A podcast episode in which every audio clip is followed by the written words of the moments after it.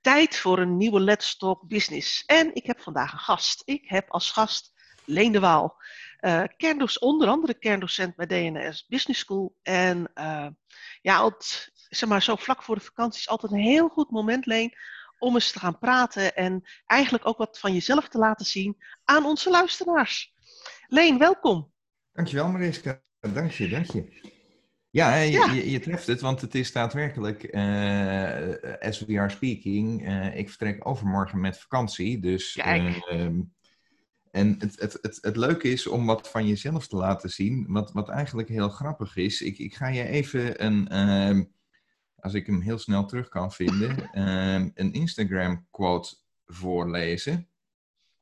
ik had gisteravond een, een gedachtenwisseling met een, een student van mij. En die had gisteren tijdens een live college, of uh, sorry, tijdens een online college, had hij een foto gemaakt en die had hij gepost. Uh, van mijn hoofd op het beeldscherm, zo'n beetje als wat je nu ziet als je hier naar kijkt. Ja. En uh, daar had ik gereageerd, die ken ik. Vervolgens uh, had die meneer teruggeschreven, kan je die leren kennen dan? Met een knipoog en een wijsneuzerig hoofd erbij. En ik heb vanochtend op teruggereageerd. Een paar jaar filosofie studeren, dan nog een jaar of acht reflecteren. En dan is er een klein beginnetje. Ja, precies. Nou, dus eh, als, je, als je dan eh, vraagt wat over jezelf te vertellen. Uh, ik zeg dan altijd gekscherend. Ehm, dat moet je nooit vragen aan een man. Want mannen praten heel graag over zichzelf en hun heldendaden. Ehm, maar ik, ik dacht wat misschien wel aardig is is om de hand van, uh, aan de hand van een aantal boeken die ik op dit moment op mijn uh, bureau uh, heb liggen, waar je eigenlijk best wel een rode draad in ziet, of zou kunnen zien als je wilt. Ehm, ik ga die overigens, zoals het als een mooi heet, daarvan ga ik er maar eentje daadwerkelijk digitaal meenemen op vakantie. Ik ga niet meer net als vroeger een aparte koffer voor de boeken meenemen. Nee? Ach, nee. Nee, dat is veel te veel sjouwen. Dus ik neem die gewoon digitaal mee. Dan heb ik namelijk een schier oneindige bibliotheek. En mocht een boek onverhoopt toch tegenvallen, kan ik altijd nog omschakelen. In mijn werkkamer heb, ik... Daarvoor heb, daarvoor heb ik die hele koffer nodig. Ja, dat snap ik. Maar ik, ik, uh, je weet, ik ben een enorme ijdeltuit. Uh, dus ik neem wat meer kleding mee. En uh, daarnaast moet ik ook natuurlijk nog een beetje... Vakantie moet ook vakantie zijn. Ja. Uh, dus ik moet ook mijn fietsen en fietsspullen meenemen. Nou. Ja, want dat, dat was eigenlijk, ik dacht van ik ga je gewoon de vraag stellen, ik ga op vakantie en ik neem mee. Mm -hmm. Maar je bent hem al aan het beantwoorden. Een digitale reader, uh, ja. kleding, uh, je fietsen. Ja, dus dat, ehm, nou, wandelschoenen niet te vergeten. Um, en ik, het, het, grappige is, ik heb me gerealiseerd de afgelopen tijd ehm, heb ik veel, ben ik veel minder onderweg geweest dan gebruikelijk. Dus ik heb een heleboel van het leeswerk wat ik dan normaliter in de vakantie doe, um, eigenlijk al achter de rug. Dus ik heb besloten, en ook nou, zeg maar door COVID heb ik toch wel iets minder gefietst dan als wat, wat ik gebruikelijk doe. Dus ik heb besloten dat deze vakantie heel erg uh, bewegen gaat worden. En toch nog een aantal uh, stiekem op de e-reader uh, boeken dan mee. Maar wat op zich wel leuk is, uh, denk ik, um, is om eens een paar van die boeken even. Ik heb ze dus nog niet gelezen, maar dat geeft mooi aan um, wat mij op dit moment ja, heel erg bezighoudt. En ja. dat komt een beetje voort uit uh, nou, de colleges die ik verzorg, uh, de leergangen die ik in elkaar aan het steken ben. nou, wat mij persoonlijk bezighoudt. Het grappige is, ik lees ook nooit romans overigens. Ehm dus eigenlijk zou je kunnen zeggen, zijn het bijna altijd uh, wetenschappelijke boeken of uh, nou ja, toch wel rondom een bepaald thema. Uh, en, en waarom nooit romans? Ja, weet ik eigenlijk niet. Ik ben daar ehm, eigenlijk, ehm, ik denk al twintig jaar geleden mee gestopt. ja, iets meer dan twintig jaar geleden. Het laatste wat ik gelezen, uh, wat ik gelezen heb was op een gegeven moment zo'n beetje het het volledige werk van uh, Gabriel Garcia Marquez. Mm -hmm. En um, ja, daarna, dat heeft overigens niks met de inhoud van dat werk te maken, maar uh, veel meer met gewoon, ja, een roman is voor mij dan, daar zit misschien wel een boodschap in, maar die moet ik er dan altijd uit gaan halen. En dan heb ik liever gewoon een inhoudelijk boek rondom een bepaald thema waarmee ik me helemaal kan verdiepen. Die soms overigens best op een roman lijken. Ehm, maar ook gewoon echt wetenschappelijke boeken. Maar ik vind het zeg maar, in de vakantie ook gewoon heerlijk om een boek te hebben, een roman, waardoor je Mhm. even niet hoeft na te denken. Ja, gewoon even dus- opgaan in een andere wereld. Ja, maar dat doe ik dus als ik fiets. En dan eh, geniet ik van de omgeving. Eh, en dan is dat fysiek daadwerkelijk de andere wereld waar ik in opga. Het Ja. mooie is ook, ehm, ik, ik was toevallig gisteren eh, ochtend en gisterenmiddag moest ik lesgeven eh, online. Dus ik zat gewoon vanuit mijn thuiskantoor. En toen dacht ik, nou daar zat 2,5 uur tussen. Ik denk, dan kan ik mooi even een rondje op de mountainbike kruipen. Maar ja, dan stuur je nog even een mailtje en een paar van die dingetjes. En voor je goed en wel op de fiets zit, heb je dan nog een uur en drie kwartier over. Het mooie zo is van digitaal lesgeven dat ik dacht, nou, als ik vijf minuten voor ik weer live moet terug ben, dan kan ik nog net mijn overhemd aantrekken, want om nou in je fietskleren af te... Ze ruiken me toch niet. Dus Nee. dat, ehm, dat is wel een voordeel van de- deze nieuwe manier van werken. Ehm, Maar ja, goed, aan de andere kant, ik had toch zoiets van, nou, ik moet toch wel een beetje doorfietsen. Dus ik heb ehm, enorm hard gefietst en dan moet je dus enorm gefocust zijn. Ja, dan is mijn hoofd echt wel leeg. Daar gaat geen roman bij helpen. Nee, dat is waar. Dat is waar. Dat, Ik ga er eh, niet voor fietsen. Doe mij toch maar die roman. Ja, ja, ja, ja, ieder zo zijn ding, hè. Dat, eh, Precies. ja. Wat, Nee, wat heb dus- je op je bureau liggen aan boeken? Laat eens wat zien. Nou, ik Laat heb, eens wat eh, vertellen, ik, er eens ik wat pak gewoon even de. Ik, die, die heb ik toevallig vanochtend net ehm, gedownload, omdat ik dacht, die wil ik op de vakantie wel lezen. Ik wist niet dat die er was. Ik heb vanochtend even op ehm, de website van Linda Grattan, omdat vanmiddag moet ik lesgeven.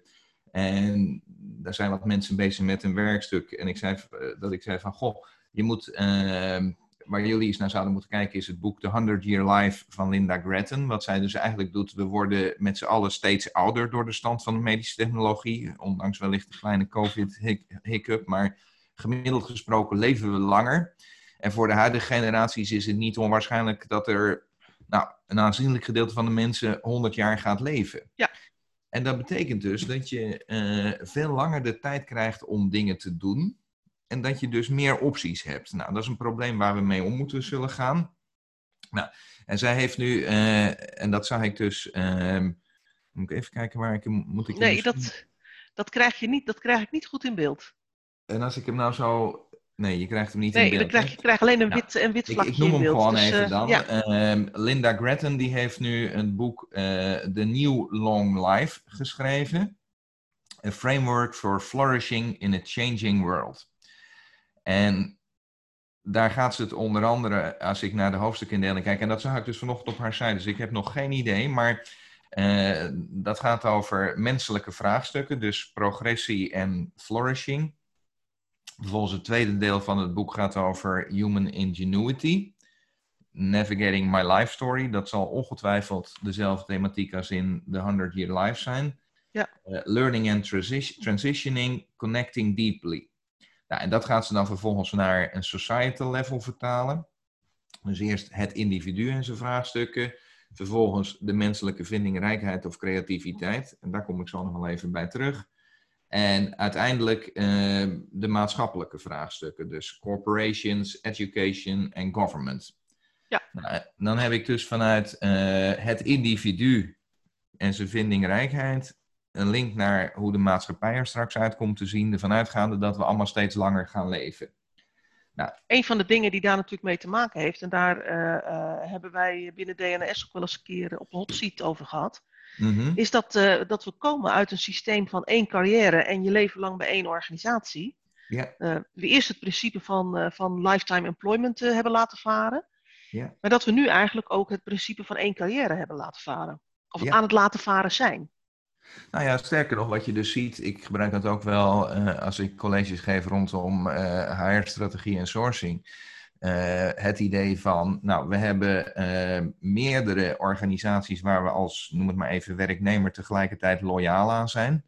Sterker nog, als ik vanuit het perspectief van een ZZP'er kijk, dan heb ik een oneindige serie van eh, loyaliteiten.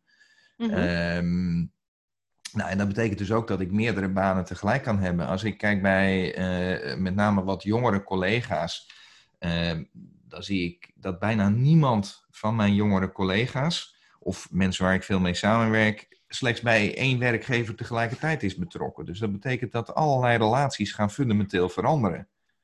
Ja, maar zelfs als je meer op een klassieke manier naar arbeid kijkt, en, je, mhm. en je kijkt naar uh, uh, werkgevers als een, uh, in een serieopstelling, hè, niet in een parallelopstelling. Mm dan ook zie je mensen gewoon zeg maar, meerdere carrière loops achter elkaar plaatsen. Ja, ja, ja, ja, ja. ja.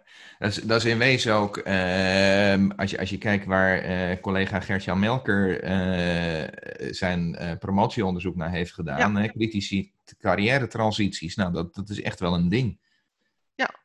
En vroeger moest je omhoog in dezelfde lijn. Uh, dat noemden we een carrière. En tegenwoordig uh, moet je vooral doen waar je zelf blij van wordt. Ja, als ik naar mezelf kijk, ik ben begonnen als uh, marketeer en dat werd uiteindelijk strategisch marketeer. Mm en dan zeg maar, ga je door als je, als je verder komt richting strategie. Ja. Ehm, maar dat noem ik altijd, dat is, dat is één carrière loop. Ja. en ergens parallel daaraan ben ik begonnen met doseren. Ja. En, en nu ben ik directeur van een, van een business school. Ja, ja. Het is echt wat anders. Mm -hmm, absoluut. absoluut. Maar ik doe het wel met evenveel plezier en overtuiging. Maar dat is dus ook weer, uh, zeg maar, dat, dat gaat dus over uh, flourishing. Uh, je moet doen waar je zelf blij van wordt en vanuit je eigen overtuigingen. En nou, wat we best wel veel zien in organisaties, of wat ik vaak tegenkom, is dat ik denk, um, ja, ik, ik, ik, vraag me dan in alle oprechtheid af, waarom doe je dit? Ja, ik snap dat het voor jou de makkelijkst mogelijke manier is om met het kunstje waar je toevallig ooit goed in bent geworden, uh, zoveel mogelijk geld binnen te krijgen, om daarmee de dingen te doen die je echt leuk vindt. Maar dan denk ik, is dat nou niet een hele ingewikkelde manier? Kun je niet beter gewoon de dingen gaan doen die je echt leuk vindt? Ja, maar dan komen we op een, op een, op een uh, gedachtenlijn die, nou ja, die soms wat ingewikkeld is. Want het gaat wel over risico's nemen. En je, je weet wat je hebt, je weet niet wat je ja. krijgt. Mm -hmm, en, mm-hmm. en wat je in ieder geval zeker weet dat je hebt, dat zijn verplichtingen. Je hebt, je hebt inkomen nodig, ja, een inkomen, je hebt een huis, je hebt je financiële lasten, je hebt je ja, vrienden. Je, kijk, bent, kijk, je, bent niet, je bent niet oneindig flexibel, hè? Ik, um, het is wel grappig dat je dit zegt nu. Um, en je weet ook hoe, hoe, sterk ik er zelf in geloof, hè? Ja, ja, nee, maar kijk, een klein stukje uit het echte leven. Um, ik, mijn, mijn werkkamer zit aan de straatkant en ik kijk dus nu eh, daadwerkelijk uit over straat. En daar stond gisteren de camper van de buren van twee huizen verder. Mijn directe buren zijn ook met de camper onderweg. Ik weet dat vier huizen verder zijn ook met een camper aan te schaffen. En de buurman die was dus bezig zijn camper in te pakken. Ja. Uh, want die ging in twee weken naar Frankrijk, naar de Loire-streek. En het, het grappige is dat toen hadden wij het er ook over, zo van, oh, misschien is dat best wel aantrekkelijk, zo'n camper. Want je kunt overal gaan en staan waar je wilt. Je zet dat ding op een parkeerplek en je bent zelf voorzienend. Toen zet ik gisteravond... Moet je niet, moet je niet naar Frankrijk willen met al die kleine historische stadjes. Uh, daar kom je met de camper niet in hoor. Nee, maar goed, dan zet je hem buiten het stadje op de parkeerplaats. Dat, ja. Daar had Wouter ook wel over nagedacht hoor. Uh, don't worry, daar is hij slim genoeg voor. Maar wat je dus, uh, toen zat ik gisteravond op YouTube naar zo'n filmpje over mobile homes te kijken. En er is, er is kennelijk een heel YouTube-kanaal rondomheen. En die mevrouw zegt ook, ja, mijn inkomen is redelijk variabel. Dus ik, en ik had een hypotheek en een huis. Ik heb mijn huis verkocht en ik woon nu in mijn mobile home. Wat er over zijn ja. buiten gewoon, ik vond het heel klein op zich. Maar dat is niet anders dan de hele tiny houses beweging. Uh, dat zag er prima uit te houden uit. En zij was daar erg blij mee. Dus dat je die vaste lasten hebt, kul. Dat is een keuze om die te houden. Ja, klopt. Ja, je, weet, je weet dat ik daar net zo over denk. Maar ik, ik merk ook dat dat in mijn gesprekken met andere mensen... dat dat, dat, mm -hmm. dat, dat, dat best vaak meespeelt. Ja. Nou ja, wat je dus... van ik zit vast. Ja, nou, het grappige is, uh, en dat, dat, brengt mij dan gelijk bij, want we gingen het, uh, ik had besloten dat we het over wat boeken gingen hebben. En je zei het al op jouw tafel. Nou, ja, eentje waar ik, kijk, je kan het ook echt zien waar ik nu in bezig ben. Dat is dit boek. Moet ik hem naast mijn hoofd houden, anders dan zie je ja. dat niet goed. Olietankers en speedboten, ja. Ja, over hoe Lanting. verandert van Menno Lanting. En dat gaat Ja. ook over disrupties en dat soort dingen. Eh, hij schrijft wat, nou, wat mij betreft, wat bovenmatig populair. De inhoudelijke dingen die hij zegt zijn niet waanzinnig nieuw. Eh, want dan denk ik, ja, dat heb ik daar wel eens gelezen en daar wel eens gelezen. Dus hij, eh, het is een buitengewoon belezen auteur, schijnt ook een veelgevraagd spreker te zijn. Eh, hij kent echt zijn bedrijfskundige boeken wel.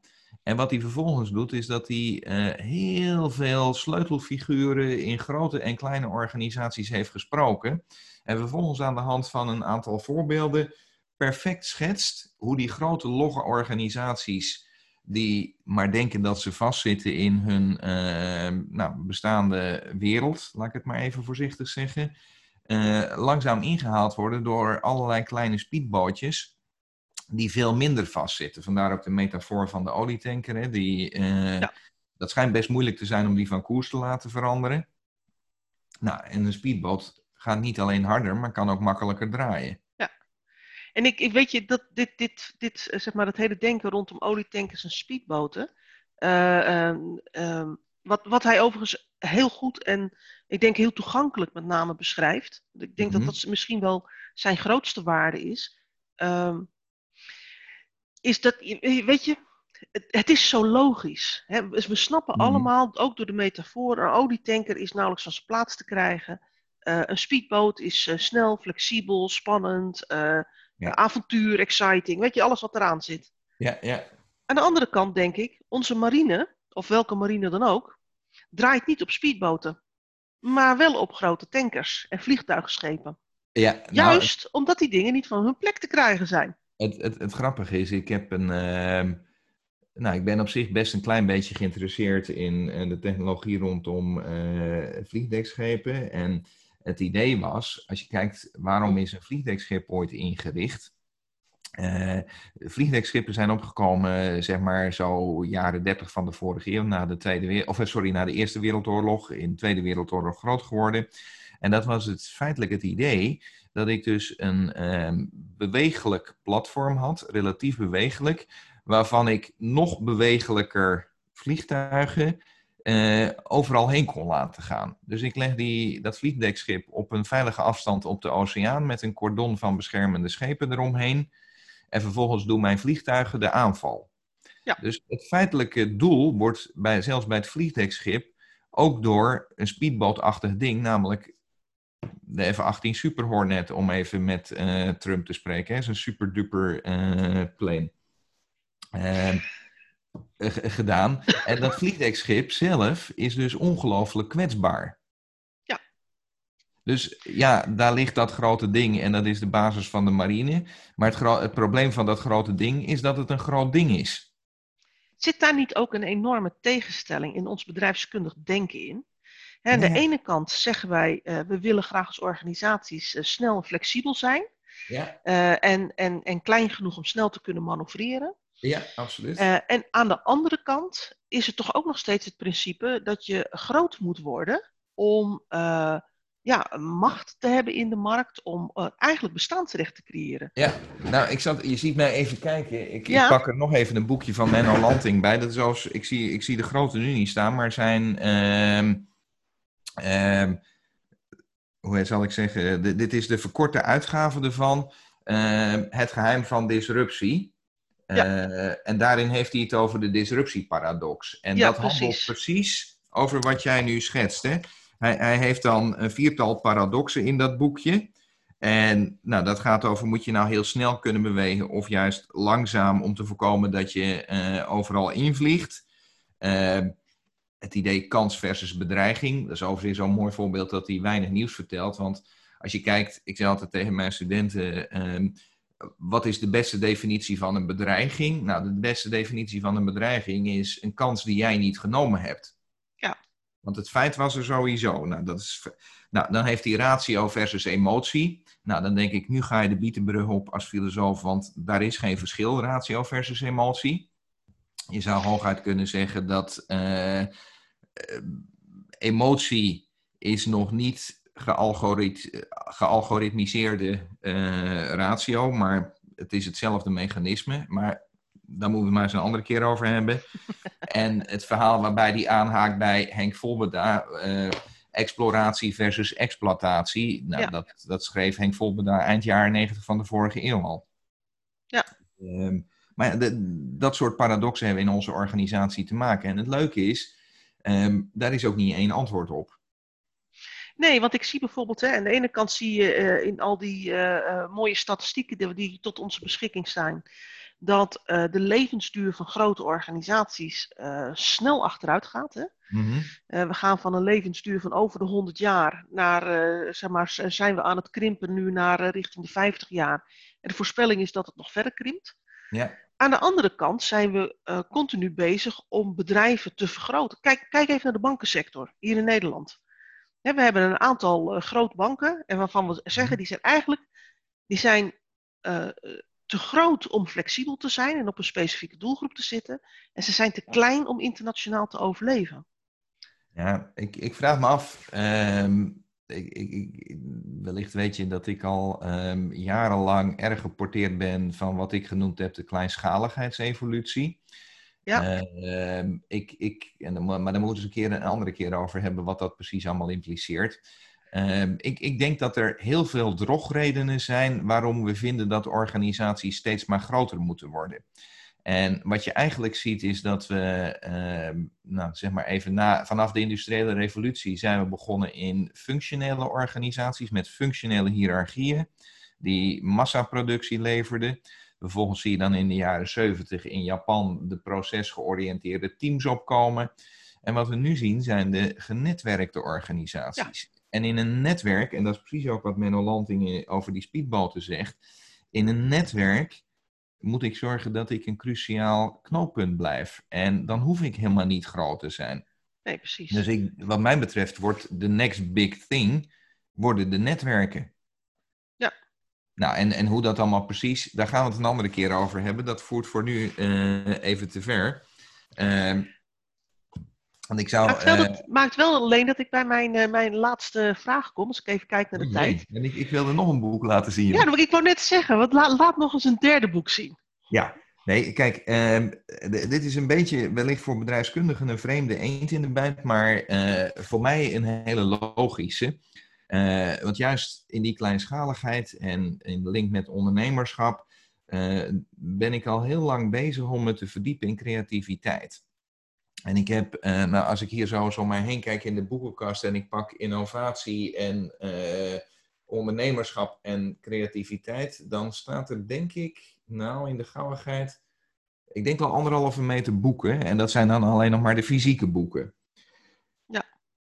Geen een van die boeken legt nou echt uit hoe creativiteit echt werkt. En ik heb dan zoiets, dan voel ik me net een soort alchemistische tovenaarsleerling. Ik wil nou eigenlijk wel eens weten hoe dat nou in het brein werkt. Ja, dat je geïnspireerd moet raken, dat zal allemaal best. Dat kunnen ze allemaal vertellen. Dat je allerlei oefeningen hebt, ik gebruik ze zelf ook uh, met klanten en met studenten. Uh, allerlei oefeningen om die creativiteit op te roepen. Totally believe it. Alleen hoe het werkt, tot mhm. nog toe, ik, ik heb het nergens gelezen. En wie schetst mijn verbazing? Ik heb nu dit boek gevonden van mevrouw... Iets, iets laten zakken, want dan, anders uh, val je weg. Ah, The Neuroscience of Creativity. Van Anna Abraham. Ja. En wat zij heeft gedaan is, zij heeft allerlei uh, neurologische onderzoeken verzameld. Het, het is een, een behoorlijk wetenschappelijk boek uh, allerlei neurologische uh, onderzoeksuitkomsten verzameld, op een rij gezet en gebundeld tot hoe werkt nou creativiteit in ons brein. En dat sluit voor mij perfect aan bij uh, een ander boek wat ik een aantal jaar geleden rondom diezelfde thematiek, overigens dan nog zonder antwoorden las. en dat is van meneer Deacon, Terence Deacon. Uh, symbolic species. Die legt heel erg uit hoe ons brein geëvolueerd is en hoe dat dan leidt tot creativiteit. Nou, en als je in die hoek zit, dan kom je bijna niet, en dat is dan de laatste in het rijtje, om deze From heen. bacteria to, back and, to, to Bach en back. Ja. ja. From bacteria to van? Bach, van Daniel ja. Dennett. Dennett is een evolutiebioloog. En die, die gaat dus in op hoe ons bewustzijn is ontstaan. Dus ik hoop nu zo tegen het einde van dit jaar door de combinatie van die drie boeken ehm, eindelijk, ik zou bijna zeggen vanuit een filosofische aanvliegroute, bedrijfskundig creativiteit te kunnen gaan beïnvloeden. Ik, ik voel een masterclass aankomen, Leen. Het zou zomaar kunnen. Het zou zomaar kunnen. Dat, uh... Ja, creativiteit is natuurlijk iets wat, uh, wat uh, mensen, maar ook organisaties in toenemende mate bezighoudt. Ja. En het heeft ook weer te maken met dat langere leven. Ja. Hè, vroeger werd je gewoon, zeg maar, eigenlijk vanuit je opleiding, vanuit je context, vanuit je ouders in een bepaalde richting geduwd. Ja. Nou, en daar ging je dan 40 jaar werken en dan ging je met pensioen en dan ging je dood. Ja. ja. En daar zat eigenlijk weinig creativiteit in. Niks. Nee. Ik bedoel, het, is, het, het archetypische voorbeeld is mijn, uh, de, de, de, zeg maar mijn jeugdvriend van de lagere school, waar ik nou, tot mijn twintigste redelijk veel mee optrok. Zijn vader was vuilnisman. En Bram is ook vuilnisman geworden. Ja. Want de familie, de, nou ik zal niet de achternaam noemen, maar de, de familie van Bram werkte nou eenmaal in de vuilnisophaal. Ja. Ja. En daar zit dus weinig creativiteit in. Maar als wij langer leven, en we hebben niet één, maar meerdere carrières in ons leven, ja. dan vraagt het daadwerkelijk creativiteit om na te denken: wat wil ik nou in mijn volgende carrière? Ja, dat, uh, nou, en dan, dan zijn we weer terug bij Linda Gretton. Hè? Dat, uh, Precies. ja. Jij gaat dus een uh, hele spannende inhoudelijke vakantie doormaken. Als het gaat over je boek, hè? Ja, ja, ja, voor zover ik er in die, in die week dat ik daadwerkelijk weg ben uh, aan toe kom om te lezen. Maar dan gaat het zeker daarna gebeuren. Dat, uh, don't worry. Ja, je gaat maar een week? Ja, ik ga maar een weekje weg. En uh, daarna hier in huis nog wat dingen doen. En gewoon in Nederland ook een beetje fietsen. Um, ik heb op dit moment zoiets van... Ehm, er zijn te weinig uh, zekerheden om met een redelijk ontspannen gevoel uh, in het buitenland te gaan zitten. Dus ik ga een weekje naar Duitsland. Dat is voor mij een provincie van Nederland. Of Nederland is een provincie van Duitsland, net hoe je het wil zien. Ja. Uh, en dat vind ik dan wel mooi genoeg even voor nu. Ja, ja. Nou, ik, jij staat op de vooravond van op vakantie gaan. Dus ik, het, het, het rest mij niks anders dan te zeggen, hele fijne vakantie. Ja, dankjewel. Ik wens je heel veel kilometers uh, fijn uh, ontspannen met je lege hoofd gefocust op, de, op het pad voor je uh, fietsuren. Ja, dat gaat zeker lukken. en ik, ik hoop dat je minimaal een van deze boeken kunt lezen. Mm. En ik zou je bijna uitdagen om daar, nee, dan ga ik je gewoon voor uitdagen. Om over een van die boeken die je gelezen hebt, om daar na jouw vakantie maar eens een blog aan te wijten. Lijkt me helemaal goed. Dat gaat zeker gebeuren. Ja, want het, eh, ik denk uh, mooie inzichten voor ons en het bespaart ons uh, uh, heel veel. Kijk, dat geeft mij de rust dat ik gewoon in de vakantie lekker in een roman kan duiken. Ja, precies, precies. Dat, ik, ik gun je dat meer dan van harte, want iemand moet die romans toch lezen. Precies, en ik delegeer dat heel graag aan jou. Ja, ja, ja. ja. Gaat goed Leen, hele fijne vakantie en ja, wij spreken elkaar na jouw vakantie weer. Helemaal goed, dankjewel. Oké, okay. doei doei. Hoi.